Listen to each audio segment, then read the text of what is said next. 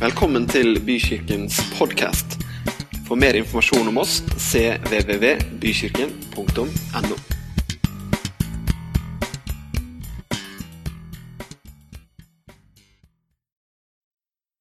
ting forandrer seg. Eh, og det gjelder eh, å kanskje ta dette bibelordet da spesielt til seg i en foranderlig tid. Dette er altså Jesu ord, efata, På arameisk, som var hans eh, dagligtalespråk, så uttaler han dette, som altså betyr 'lukke opp' eller eh, 'vær åpen'. Og kanskje er det nettopp begge deler som er viktig her. Ikke sant? Det handler om å både åpne opp, men å fortsette også i den tilstanden av å være åpen. Så hvis vi kan inngå den kontrakten med hverandre at for eh, en liten tid nå så åpner vi opp, eh, og så er vi åpne. For jeg håper at det jeg har å dele, er til eh, forandring og betydning for alle på hver sin måte. På veggen her så ser vi noe som også har fått lov til å eh, gi uttrykk for forandring. Dette er et veldig gammelt veggmaleri som finnes i et eh, kloster, altså en kirke eh, som er en del av et kloster, i Sveits. Eh, vi er på 800-tallet. Og hvis dere ser disse menneskene, de er som om de ikke umiddelbart kommer imot oss som veldig europeiske. Eh, Og det er fordi at det vi nå ser, det er et av de best bevarte uttrykkene for noe som kalles for karolinsk kunst. Og hvorfor av verden Karolin? Eh, jo, det har jo noe med Charleroi, altså den store eh, lederen som bygger eh, på en måte historien etter Romerrikets fall i en ny form for et Europa som skal kunne eh, på en måte herskes og, og, og styres sammen. Eh, Så Derfor er eh, Charlemagne et betegnelse på storhet ikke sant? og på noe som er preget av en ambisjon om å binde sammen. Og det vi ser, er altså mennesker som er litt sånn langstrakte. Og så er de litt sånn, så du kan få inntrykk av at det er hentet fra en litt annen kultur, kanskje. Så de er da uttrykk også for noe som er inspirert av Bysants. Og hva er det for noe? Jo, det er jo det vi ville plassert i Tyrkia i dag. Men vi er i Sveits, altså. I fjellheimen, i et kloster. Eh, Sankt eh, Johannes-klosteret der. Eh, og en av Europas absolutt best bevarte veggmalerier eh, som uttrykker i billedspråk akkurat den bibelteksten som vi skal starte med i dag. Og Det er fascinerende at ting eh, kan eh, bli uttrykt på så forskjellige og varig bestandige selv om dette også naturligvis over tid forandrer seg, eh, har blitt litt slitent med årene, men fortsatt i stand til å både formidle mirakelet og ikke minst forundringen til de som står og ser på hva i all verden er det vi nå har sett, tenker nok de. Og vi vet at flere av de er eh, sterkt kritiske til denne mirakelvirksomheten som denne Jesus fra Nasaret bedriver. Attpåtil på sabbaten i flere tilfeller. Her er også bibelteksten. Vi er i Markus. De førte til ham en mann som var døv og hadde vondt for å tale. Og de ba ham legge hendene på ham. Jesus tok ham med seg bort fra mengden. Han stakk fingrene i ørene hans, tok spytt og berørte tungen, og så løftet han blikket mot himmelen, sukket og sa til ham Effata. Det betyr altså 'lukk deg opp'. Og straks ble ørene hans åpnet, båndet som bandt tungen hans, ble løst, og han snakket rent.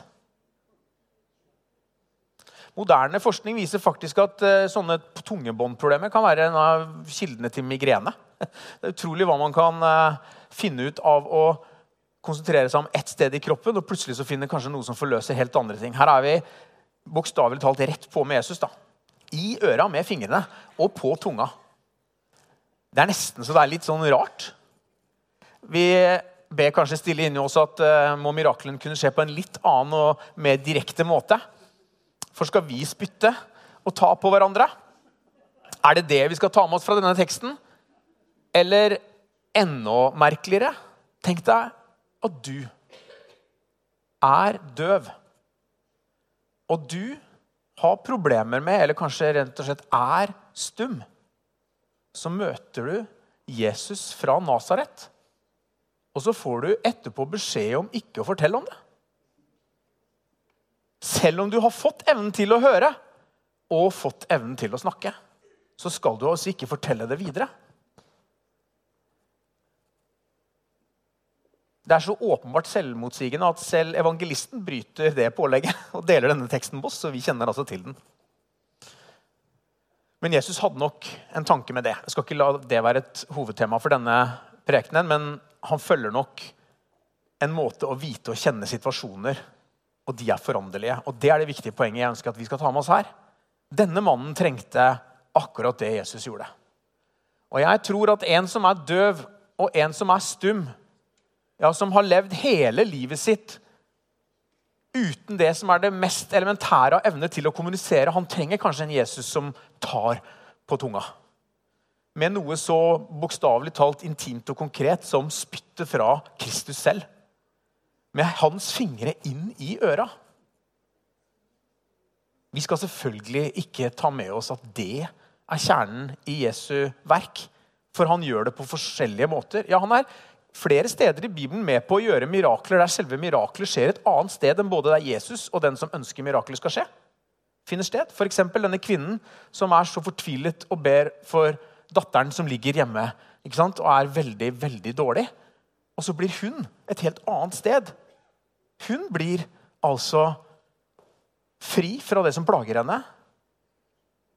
Fordi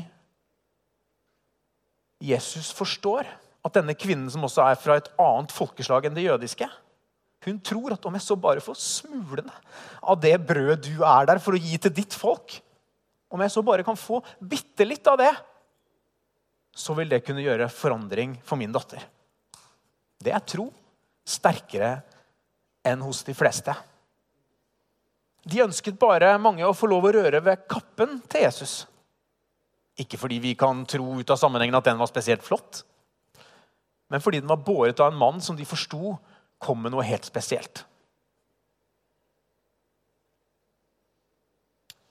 Miraklene til tross så vet vi at noe av det som er merkelig, det er jo hvor enormt kraftfullt det må ha vært å være blant de som møter Jesus på den måten. Og så allikevel er det så mange som ikke tror. Jeg tenker jo at Det på mange måter er mer utrolig enn at det kommer folk til tro. Det vi må vite er at det å komme til tro og, og virkelig gi uttrykk for det og praktisere det, f.eks. gå og snakke om det, det kunne og ville for mange resultere i at de blir stengt ute fra synagogen. Stengt ute fra fellesskapet og kanskje fort endte opp med å være helt på utsiden av det samfunnet de, som vi, er helt avhengig av å leve i. Vi trenger folk rundt oss. Vi trenger at det henger sammen. Vi trenger renta i banken. Og vi håper at den ikke blir høyere. Det Jesus har muligheten til, er jo å formidle til mennesker som kjenner de eldre tekstene bedre enn mange i vår tid gjør. Men jeg synes det er viktig likevel at vi minner hverandre på at det finnes en sammenheng mellom å lære hundrevis av år før Jesus agerer, før han er der og gjør det han gjør, og det som vi må forstå preger forståelsen til de som opplever det. Og Her er vi da tilbake i Jesaja. Jesaja 35. Da skal blinde, blindes øyne åpnes, og døves ører lukkes opp. Da skal den lamme springe som en hjort, og den stummes tunge skal juble, for vann bryter fram i ørkenen og bekker i ødemarken. Glødende sand blir til innsjø, det første land til kilde med vann. Sjakalens boplass blir et hvilested hvor gresset gror mellom rør og siv. Og der skal det være en vei. Den hellige vei skal den kalles. På den skal ingen uren ferdes. Den skal være der for dem. Ingen som går på veien selv, ikke dårer, skal gå seg vill. Og Det siste der er jo midt oppi all poesien ser rett ut ganske morsomt. Selv vi som er litt kørka, vi som ikke helt får det til her i livet. Og det er vel, ikke sant? De fleste av oss har vært der at vi har virkelig kjent oss skikkelig dumme. Vi går kanskje ikke rundt og tenker at vi er dårer, men i den store sammenhengen, da. Hvem er vi, liksom? Vel, garantien er gitt oss. Selv ikke vi, eller i hvert fall de kanskje vi også tenker på. De der som har litt vanskelig for å få det inn, da, eller oppfatte det. Selv ikke de skal gå seg vill. Hva er forutsetningen der, da? Ja, det er at du åpner opp og at du fortsetter å være åpen. For det kommer ikke finger bare én gang inn i ditt øre. Det kommer stadig vekk noe fra Herren til deg, til oss alle. Og det kommer på forunderlig og mange ganger helt foranderlig vis. Det er tilpasset hvem vi er, hvem de er som vi ønsker å nå, og hvor vi alle sammen skal. Jeg har lyst til å ta opp igjen noe jeg brukte i en tidligere preken her. Da Noen av dere vil huske at vi snakka om kjærlighet og Carlsons lim. og Erindringsbanen tok oss inn i noen av sangene til kjente visesangere, og også denne, da, fra Lillebjørn Nilsen. Det er egentlig mest fordi jeg håper at vi skal ikke glemme at det å oppdage det ene som var fantastisk for deg, eller det som var så unikt for noen, at det liksom skal bli som noe vi andre bare marsjerer etter. For selv om det en gang kan ha vært en hendelse, en opplevelse, en metode som var bro inn til ett menneske, så betyr ikke det at det er en motorvei som alle vi andre skal trampe over i marsjtakt. Vi må fortsette med Efata og være åpne og forbli åpne. Ikke bare for det som kommer til oss fra Herren, men for det som også kommer til oss fra mennesker rundt oss. For skal vi greie å ha en bro inn til andre, så må vi høre før vi svarer. Vi må lese og forstå før vi bringer inn. Er vi i stand til det? Eller har vi på forhånd bestemt oss sånn at det eneste vi gjør når vi virkelig skal kjenne at vi er frimodige i Herren, det er å stå som dåren på et torg og bare rope? Som om det liksom er nå metoden som skal kunne treffe de som hastig får bare forbi? Har vi tilpasset oss situasjonen da? Var det riktig av meg når noen plutselig ble nysgjerrig på min prekentekstjobbing og fortsette med powerpoint-laging når de ville snakke? Eller måtte jeg kanskje vente til litt også på morgenkvisten for å få på plass de siste slidene fordi det var viktig å høre? Noen har litt å tenke på etter togturen i går. Han ene holdt nesten på å gå av på feil stasjon. Lillebjørn tenker kanskje ikke som jeg, men når jeg leser som det står på denne broa som faktisk fins der nede ved Vulkan i Oslo Hundrede mann kan jeg bære på min rygg, men svikter om de alle marsjerer. Så er det fordi jeg tror at vi trenger å hente impulser mange steder fra for å forstå at målet er ikke å marsjere i takt alltid. Målet er å kunne tilpasse seg. Målet er ikke å komme som en armé, men å komme som et medmenneske. Målet er å se sammenhenger og være åpen, men å forstå hvem vi møter. Og Jesus forsøker å lære oss det. Noen ganger ved å be oss til stille om miraklet. Fordi det ikke er det sentrale. Det er opplevd allerede det, hos den som skulle få det. Denne mannen han har skjønt det. Men hans vei videre var det kanskje noe helt annet som trengte enn det som sikkert også skjedde, da, var at han åpenbart fortalte om det. Eh, og vi har fått lære å høre om det. Men allikevel, tenk litt på dette med bro, slik at vi kan oppleve, som jeg også delte med dere tidligere, at vi unngår dette. Ikke sant? Jeg tror at vi altfor ofte ender opp med om det er fingeren, spyttet altså, I et bilde så er til og med Jesus nede på bakken og plukker opp ikke sant? og lager sånn her eh, slags eh, dough. Og så smører han på øyet rett utenfor tempelet, og så ber han mannen gå og vaske seg. Det er jo ikke det stedet han skulle vaske seg, som er poenget. Men jeg tør vedde på at mange har tappet sånn vann på spesielle flasker og laget ruter og laget seremonier og gjort veldig mye av både den der gjørma Jeg vet ikke helt hvor de tenker at det spyttet skal komme fra, men, men, og, og, og det vannet. Det er jo åpenbart ikke poenget. Men, og det skal jeg si Jeg tror på reiser. Jeg tror på det å søke, og at det for noen kan være å gå denne pilegrimsleden. Og Det finnes faktisk en egen nettjeneste som heter Effata. Hvor du kan gå og søke opp andre kristne som ønsker å gi deg muligheten til å bo rimelig når du er på din reise. Effata. Lukk opp og vær åpen. En reisetjeneste for deg som er nysgjerrig på hva det kan bringe. Mennesket har alltid, tror jeg, vært på søken. Og om ikke dette er det eldste uttrykk for det, så er det i hvert fall et veldig gammelt et. I Ovids metamorfose, som jo også betyr dette å forandre, så har jeg blitt helt grepet av denne flotte betraktningen Ovid bringer inn når han skal forsøke å forklare hva er egentlig mennesket. Altså, Hvem er mennesket i liksom, tilværelsen, og er vi skapt, eller hva er vi? Og Da skriver han, ikke som den eneste han har en teori til, men dette er en av de. But something else was needed jeg tar det på engelsk fordi det gir et inntrykk av at det er fremmede. ikke sant? Så vi må liksom jobbe litt med å forstå det. Men det er jo selvfølgelig ikke sånn at han skrev på engelsk. But something else was needed, a finer being, more capable of mind, a sage, a ruler. So man was born. It may be in God's image.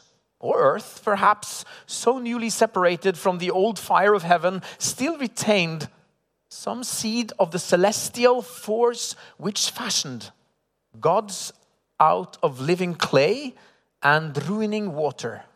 All other animals look downwards.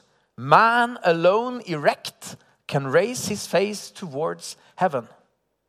Mennesket alene er den skapningen som kan løfte hodet sitt og se like til himmelen. Dette skriver også en mann som er ferdig med sitt verk i år åtte etter Kristus.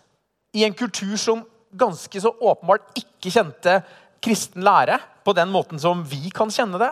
Og Likevel så skriver han som om vi kunne tatt for mye av det og brakt det inn og som jeg gjør nå, i en søndagspreken og kjent at det inspirerer. Mennesket tror i veldig liten grad egentlig at ingenting kan være utgangspunktet for alt. Men det burde være mulig for oss å formidle at altet, det kan heller ikke bare være utgangspunktet for ingenting. Vi tror på en som er skaper, en som er i stand til alt det vi ønsker forandret. Alt det vi vil så gjerne ha kraft, styrke, mot, visdom til å se og forstå. Men vi må være åpne, og vi må søke det. Og få den himmelske åpenbaringen. Den celestial, altså det er jo himmelsk, ikke sant? Stjernelig. Altså Der oppe så skjønner liksom Ovid at det er noe mer i denne tilværelsen. Og hvis det er realiteten gjennom så mange hundre av år at mange mennesker har hatt denne og lignende innstillinger til at det må være noe mer, skal vi da tenke at det nytter ikke? At det er liksom ikke mulig å bygge bro inn? Det er ikke mulig å få de til å forstå. Det er bare liksom vi som på en eller annen helt spesiell måte har evne til å forstå hva Gud har å si, hva Gud vil bringe, og at det kan nå fram. Har vi gitt opp? Eller er Effata en påminnelse vi trenger i dag for å forstå hva som er meningen med vår kirke? En åpen dør. En dør som forblir åpen. Og en kirke som er i stand til å tilpasse seg dem vi møter, for å forstå hvor de er, hva de trenger, høre hvem de virkelig forstyrres eller inspireres eller preges av, for så neste. Og kunne bruke det til å vise at vi har lyttet til å åpne opp og starte en samtale som starter med å forstå istedenfor å misforstå. Istedenfor å skyve vekk eller anse noe som håpløst. Vi er mange som prøver å preke om behovet kristne har for å finne tilbake til sin opprinnelige inspirasjon. Jeg fikk med meg midnattsmesseprekenen til paven nå i påsken. Mange ser faktisk dette, og kanskje kunne det være nettopp et sted hvor noen starter en undring eller et ønske om en fortsatt samtale. Så kanskje er det et poeng at flere av oss kobler på det det er god grunn til å tro at i hvert fall noen har plukka opp i større sannsynlighet enn en preken fra bykirken på en søndag. For selv om vi tar opp dette, så spres det ikke veldig langt. Paven sier evangelieteksten forteller oss at kvinnene gikk for å se graven. De tror de vil finne Jesus der, i graven, og at alt er over for alltid, når de jo ikke finner han der. Noen ganger tenker nok også vi at gleden over møtet med Jesus det er noe som hører fortiden til. Eller hvis jeg får legge til det er noe som hører liksom kirkerommet til. Eller det er noe som hører den der leiren til som jeg var på sommeren for noen uker siden, eller sommeren for mange, mange, mange, mange år siden. Da kunne liksom jeg kjenne på det, og det var spesielt da. Men hvor er jeg nå? Er den graven blokkert igjen? Eller er den åpen? Paven ønsker å appellere til at vi alle må kjenne det som var vårt første møte med Jesus. Og Han bruker da bildet Galilea, for mange møter jo Jesus nettopp der første gang. Og Bibelteksten jeg starta med, startet og hendte altså i Galilea.